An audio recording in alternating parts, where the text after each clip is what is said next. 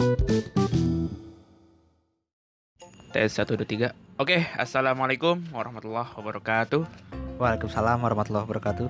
Halo Transpro dan Transis Di mana pun kalian berada Di rumah Tempat kerja Atau transportasi Atau juga lagi gabut di rumah Lagi boboan Nah Kembali lagi di Transport Podcast Your Transportation Podcast Kali ini bersama gua Azam dan teman gua Haikal. Asik. Jadi kita berdua ini akan membahas tentang STA. Nah, DKI Jakarta ini kan berhasil menuai prestasi di bidang transportasi tingkat internasional. Nah, Kemarinan iya. 2020 akhir ya. Nah, ibu kota berhasil menjuarai Sustainable Transport Transportation Award atau yang disebut STA. Award. Iya. Nah, dan jadi kota pertama nih di Asia Tenggara, di ASEAN nih, Ha, yang dapat penghargaan tersebut. mantap. Nah, penghargaan ini sih eh, berkat program integrasi antar moda transportasi publik yang dinilai sangat-sangat baik. Selain itu, memberi kemudahan serta kenyamanan bagi masyarakat Jakarta. Nah, Nah, eh STA Jakarta ini tuh eh sangat-sangat apa ya menjadi tolak ukur kemajuan transportasi di Jakarta ya khususnya ya.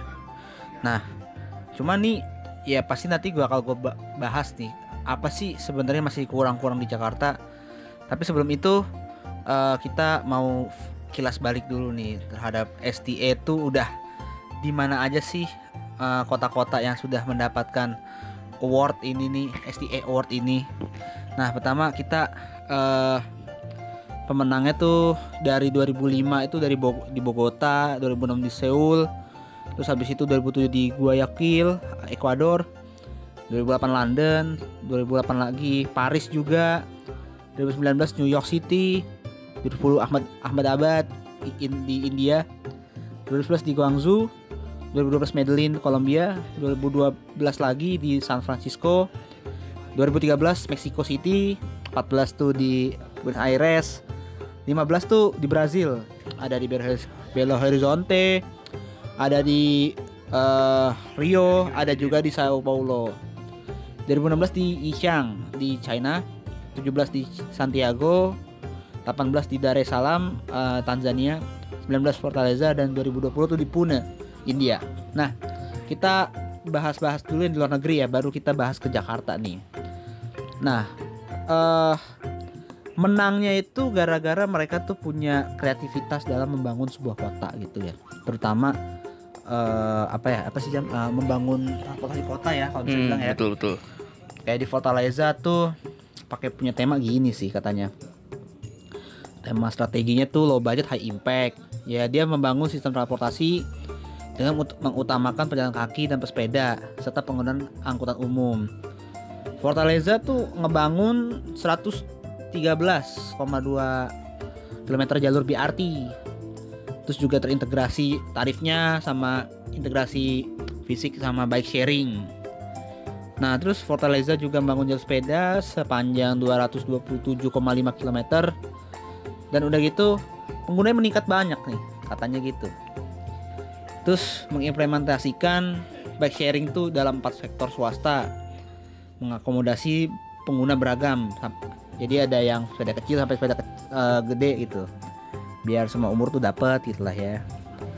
Terus eh, pokoknya di Fortaleza itu sampai kenaikan orang pakai sepeda tuh sampai 2,6 juta perjalanan. Dan kalau di persentase sekitaran 15 persenan gitu katanya. Pokoknya tuh temanya dia kalau untuk pejalan kaki namanya tactical urbanism. Meningkatkan keselamatan pejalan kaki juga nih. Dengan cara mengurangi batas kecepatan mobil kayak contohnya yang ngasih speed bump, speed trap dan segala macem atau speed limit. Terus jalan mobil itu yang tadinya gede-gede dikecilin dirampingkan biar apa? Biar volume kendaraan itu tidak beleberan gitu lah bahasa bahasa kerennya lah. Nah terus eh penyeberangan jalannya juga tinggi kayak trotoar jadi ya dibikin seperti speed table gitu. Simpang simpang eh, persimpangan jalan ini di Fortaleza juga diatur lagi ya itu adalah tugasnya orang-orang eh, traffic management sih kalau di teknik sipil Nah terus balik ke 2018 tuh di Santiago. Santiago ini punya BRT juga ya sebagai tulang punggung kayak Transjakarta gitu. Namanya Trans Santiago. Nah Santiago ini kan ibu kota Chile ya. Dia kenapa sih kok bisa menang gitu loh? Kenapa? Emang ada apa aja sih yang bisa dibangun? Nah ternyata Santiago tuh ngubah ruang parkir mobil yang kumuh jadi pejalan kaki. Terus juga diatur penerangannya dan penghijauannya. Lalu abis itu eh, punya regulasi yang mana isinya tuh ada program edukasi gitu loh untuk transportasi berkelanjutan atau sustainable transportation gitu. Nah, terus ya pokoknya anak-anak di sana tuh diajarin untuk naik sepeda biar eh, me- mengedukasikan bahwa sepeda ini alat transportasi loh gitu.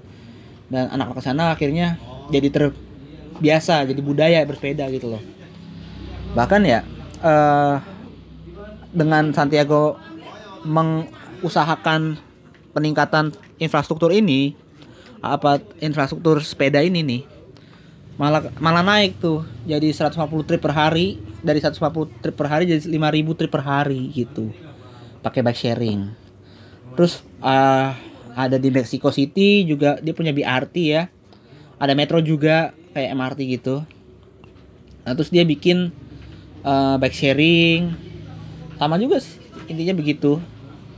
Ada namanya Eco Park yaitu proyek eh, reformasi sistem parkir on street pakai parking meter titik-titik parkirnya tuh ada 481 titik ya. Dan juga berhasil meregulasi 7000 titik parkir di kota.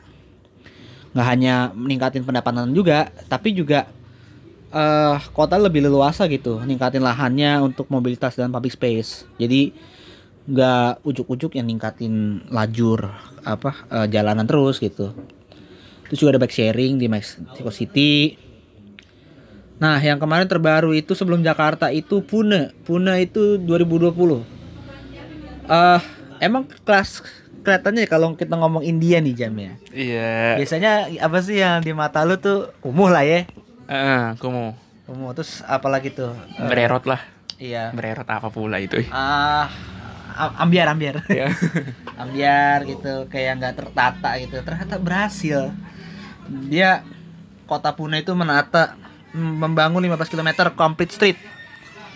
Dengan eh, rencana complete street itu sepanjang 3,5 km di tahun depan ya. Mungkin ya 2020 2021 lah gitu lah.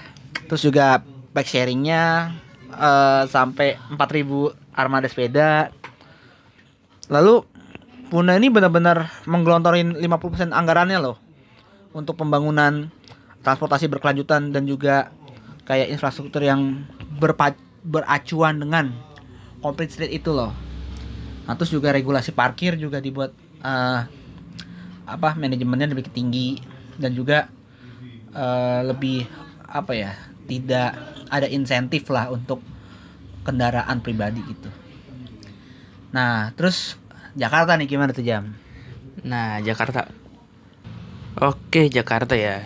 Jadi Jakarta ini dapat anugerah nih sebagai honorable mention. Mm-mm. Hmm, di ajang Sustainable Transport Award 2019. Mm. Nah, diumumnya di Fortaleza, Brazil.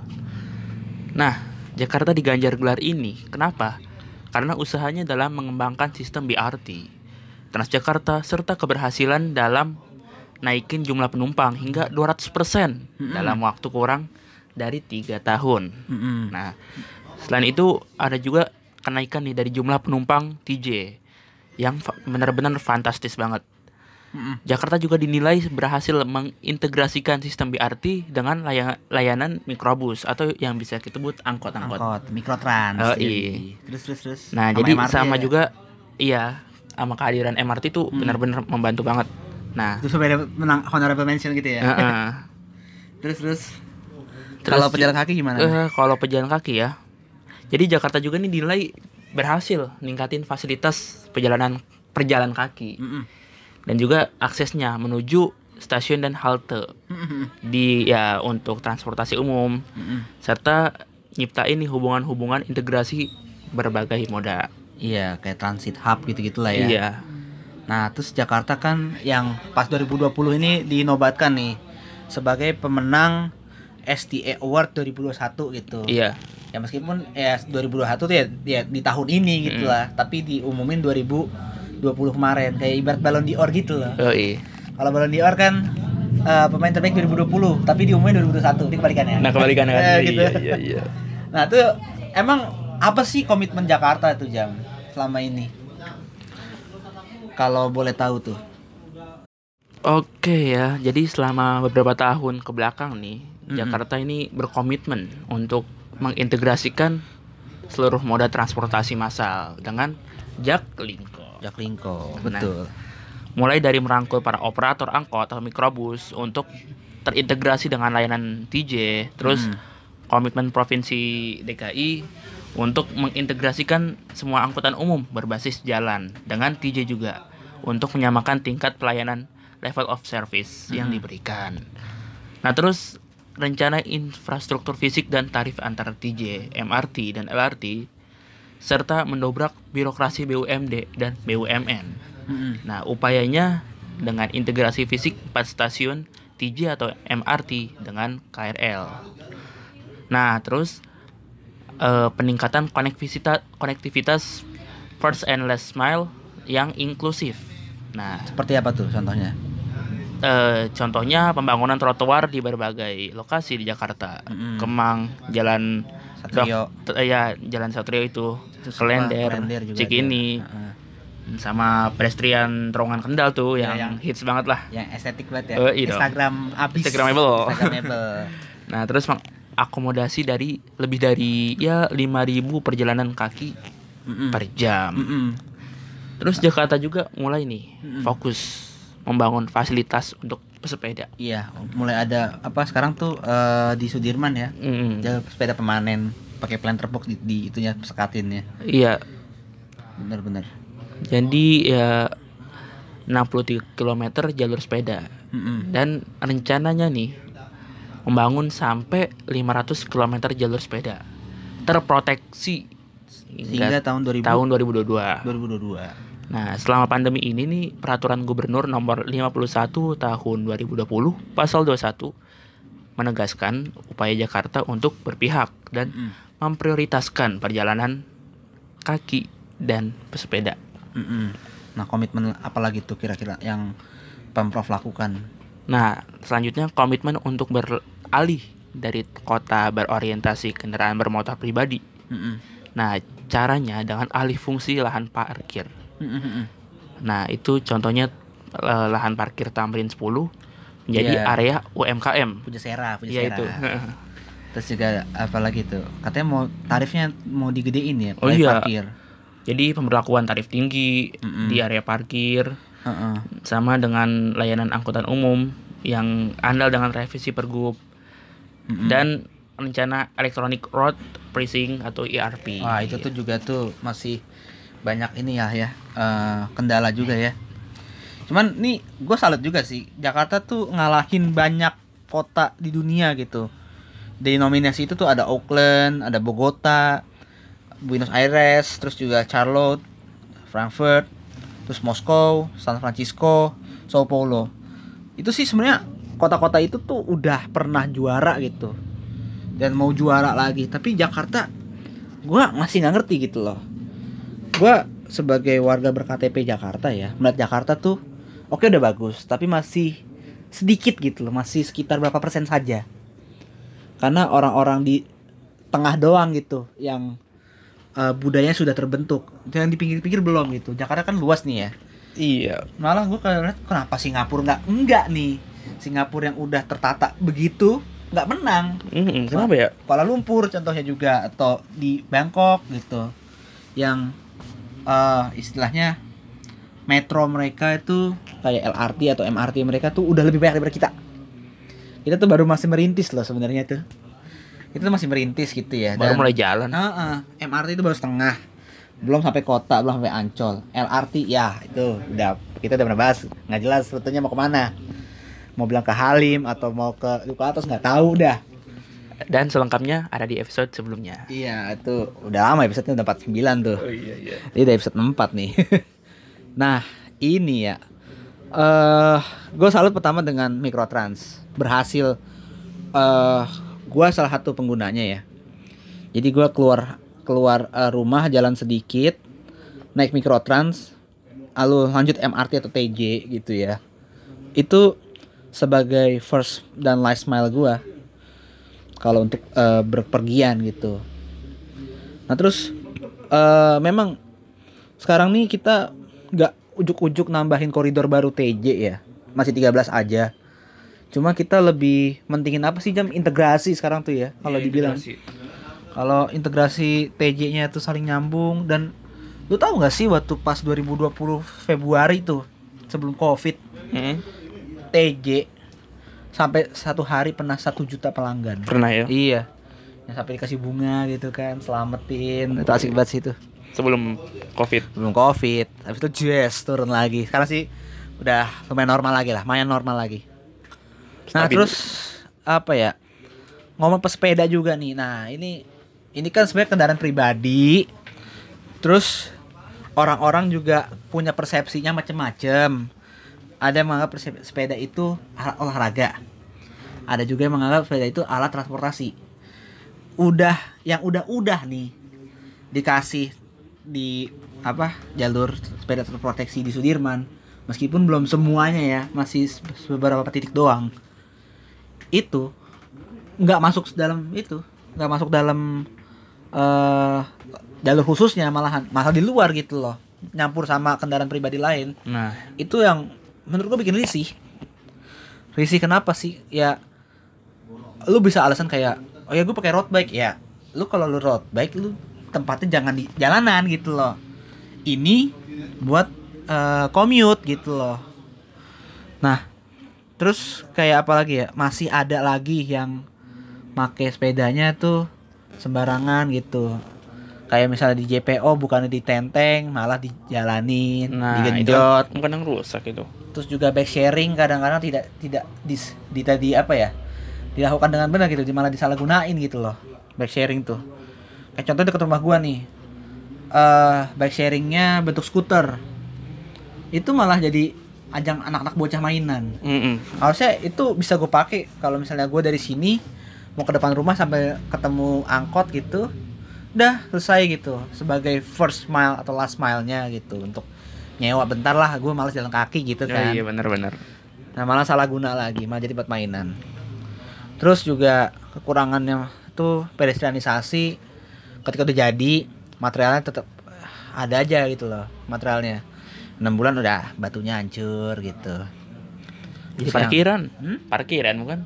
apanya Itu. Iya. Kalau terus juga apa skateboard skateboard nih ya, Oh, iya dong. yang emang sih kita nggak nggak bisa pungkirin kalau apa ya eh skateboard itu pengennya nyari challenge gitu. Apa apa aja nih batu kotak doang nih dijadiin obstacle gitu. Iya itu udah jadi mindset gitu. Cuman gimana ya? eh ngebudayain orang bisa misahin mindset itu tuh masih susah gitu loh. Menurut gue tuh gini aja sih, STI ini sebagai tahap awal, awal awalnya baik buat Jakarta. Bukan artinya ini adalah akhir gitu loh. Tapi ini adalah awal supaya Jakarta lebih baik lagi gitu. Iya. Nggak cuman pemerintahnya nyediain orangnya juga gitu mau atau enggak gitu. Mau eh, melakukan apa namanya? ngelakuin perjalanan atau bermobilitas dengan kendaraan umum secara masif atau enggak gitu. Kalau ngomong Maret lalu ya, Covid lalu tuh ya. Itu kan orang takut ya kan jam ya. Iya. Takut banget kan. Sekarang tuh udah berani lagi gitu kan.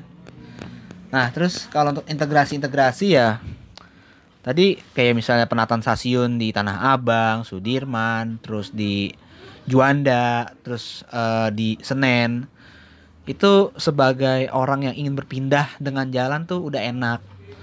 Terus juga di sekarang lagi dibangun di Tebet, Gondang Dia, Kota, Manggarai itu udah mulai ada eh, perubahan ya. Terus juga pedestrianisasi di Senopati itu. Ya tinggal dilihat aja lah setelah itu selesai apa gitu. Kemarin juga ada yang nolak kan nolak jalur sepeda gitu. Nggak jelas banget Ada, lah ada. itu. Itu sebenarnya gini sih. Kayak kita balik ke zaman awal ada TJ di Sudirman. Tolak jalur TJ. Bikin kita jadi sempit. Se- Butuh waktu lama kan untuk ngebudayain itu. Hmm, sangat lama. Heeh. Sampai akhirnya TJ udah punya 13 koridor baru udah mendingan lah gitu. Meskipun banyak ada juga yang masuk jalur TJ gitu kan. Iya. Nah terus nih kalau parkiran gue sih setuju ya. Setuju dinaikin ha- apa eh tarifnya, Tarifnya. ya, tarifnya ya. Cuman nih gini, membawa orang dari rumah mau ke mall gitu naik transportasi umum gimana gitu. Atau ya kayak contoh ke PIM lah, Per Indah Mall. Kan tuh terintegrasi langsung sama halte TJ Koridor 8. Bisa nggak gitu kan masalahnya mengajak hampir semua orang itu eh mau gitu dengan harga tarif tarif parkir yang tinggi. Tapi kalau misalnya orangnya juga mau menggelontorin duit untuk parkirnya, wah itu rada gawat sih. Terus IRP juga dari zamannya Pak Basuki udah dipasang terus dicopot lagi, pasang copot lagi. Sekarang masih ada cuman e- e-tilang doang. Ya kan? E-tilang Iya. doang. Paling sih gue me- mendambakan ganjil genap lagi sih, ganjil genap terus juga apa ya? eh paling kalau untuk integrasi transportasi ya kalau bisa eh jangan hanya integrasinya aja. Tapi tetap ini loh, ngebangun gitu loh. Ngebangun yang sebisanya mungkin gitu. Mau seberapa pun jaraknya tapi kalau ini berkelanjutan berkelanjutan step by step ya insya Allah sih orang-orang jadi makin tertarik gitu loh ada maksudnya gua gua naik ini apa gitu untuk ke mana gitu loh ya palingan sih itu sih yang bisa kita sampaikan untuk Jakarta ini Eh kurang lebihnya sih gua selamat lah ya. Karena eh Jakarta menang ini sebagai awal yang baik gitu untuk transportasi eh, berkelanjutan kita. Karena STA ini eh tujuan utamanya tuh ngasih penghargaannya tuh karena kota itu komitmen. Terus juga kemauan politiknya atau political willnya visi visi misinya di bidang transportasi berkelanjutan tuh ada gitu loh. Dan pembangunan perkotaan yang berkelanjutan tuh ada gitu. Nah itu sih paling ya kalau misalnya bisa beruntun ya alhamdulillah gitu nggak sih. Tapi kalau gua nggak ujuk-ujuk minta beruntun lah. Yang penting dibenahin dulu yang fasilitasnya dan juga mindset orangnya gitu. Nah, mindset. mindset orangnya. Memang akses aksesibilitas adalah kunci. Cuman ya kalau orangnya juga ah mau gampang atau nggak mau repot mau menggelontorkan duit mahal-mahal untuk cepet sampai atau apa ya istilahnya mendingan naik mobil sendiri gitu lebih lebih ribet. Ya kita harus mengacu lagi sama ini piramida kebalik transportasi itu. Di mana yang paling utamakan itu adalah pejalan kaki. Yang paling di- dikasih disin apa disinsentif ya ya kendaraan pribadi gitu. Oke paling itu sih yang penting eh, dari kita mah eh, selamat untuk Jakarta dan semoga ini menjadi awal yang baik untuk perubahan Jakarta yang lebih baik pastinya amin, Amin, amin, amin. oke sekian dari Eh, kami bentar, bentar. Apa? Itu tugas gue yang nutup, Kal. oh gitu Oh, iya. oke deh tutup deh Iya, tutup ya, gue tutup Eh, ya. dikunci ya abis itu ya Eh, iya, siap, siap. Nah, Eh, oke, terima kasih kepada Transbudo dan Transis yang sudah mendengarkan. Semoga bermanfaat. Mangga dilanjut, yang beraktivitas lanjut, yang tidur lanjut. Eh, salam sehat. Wassalamualaikum warahmatullahi wabarakatuh. Waalaikumsalam warahmatullahi wabarakatuh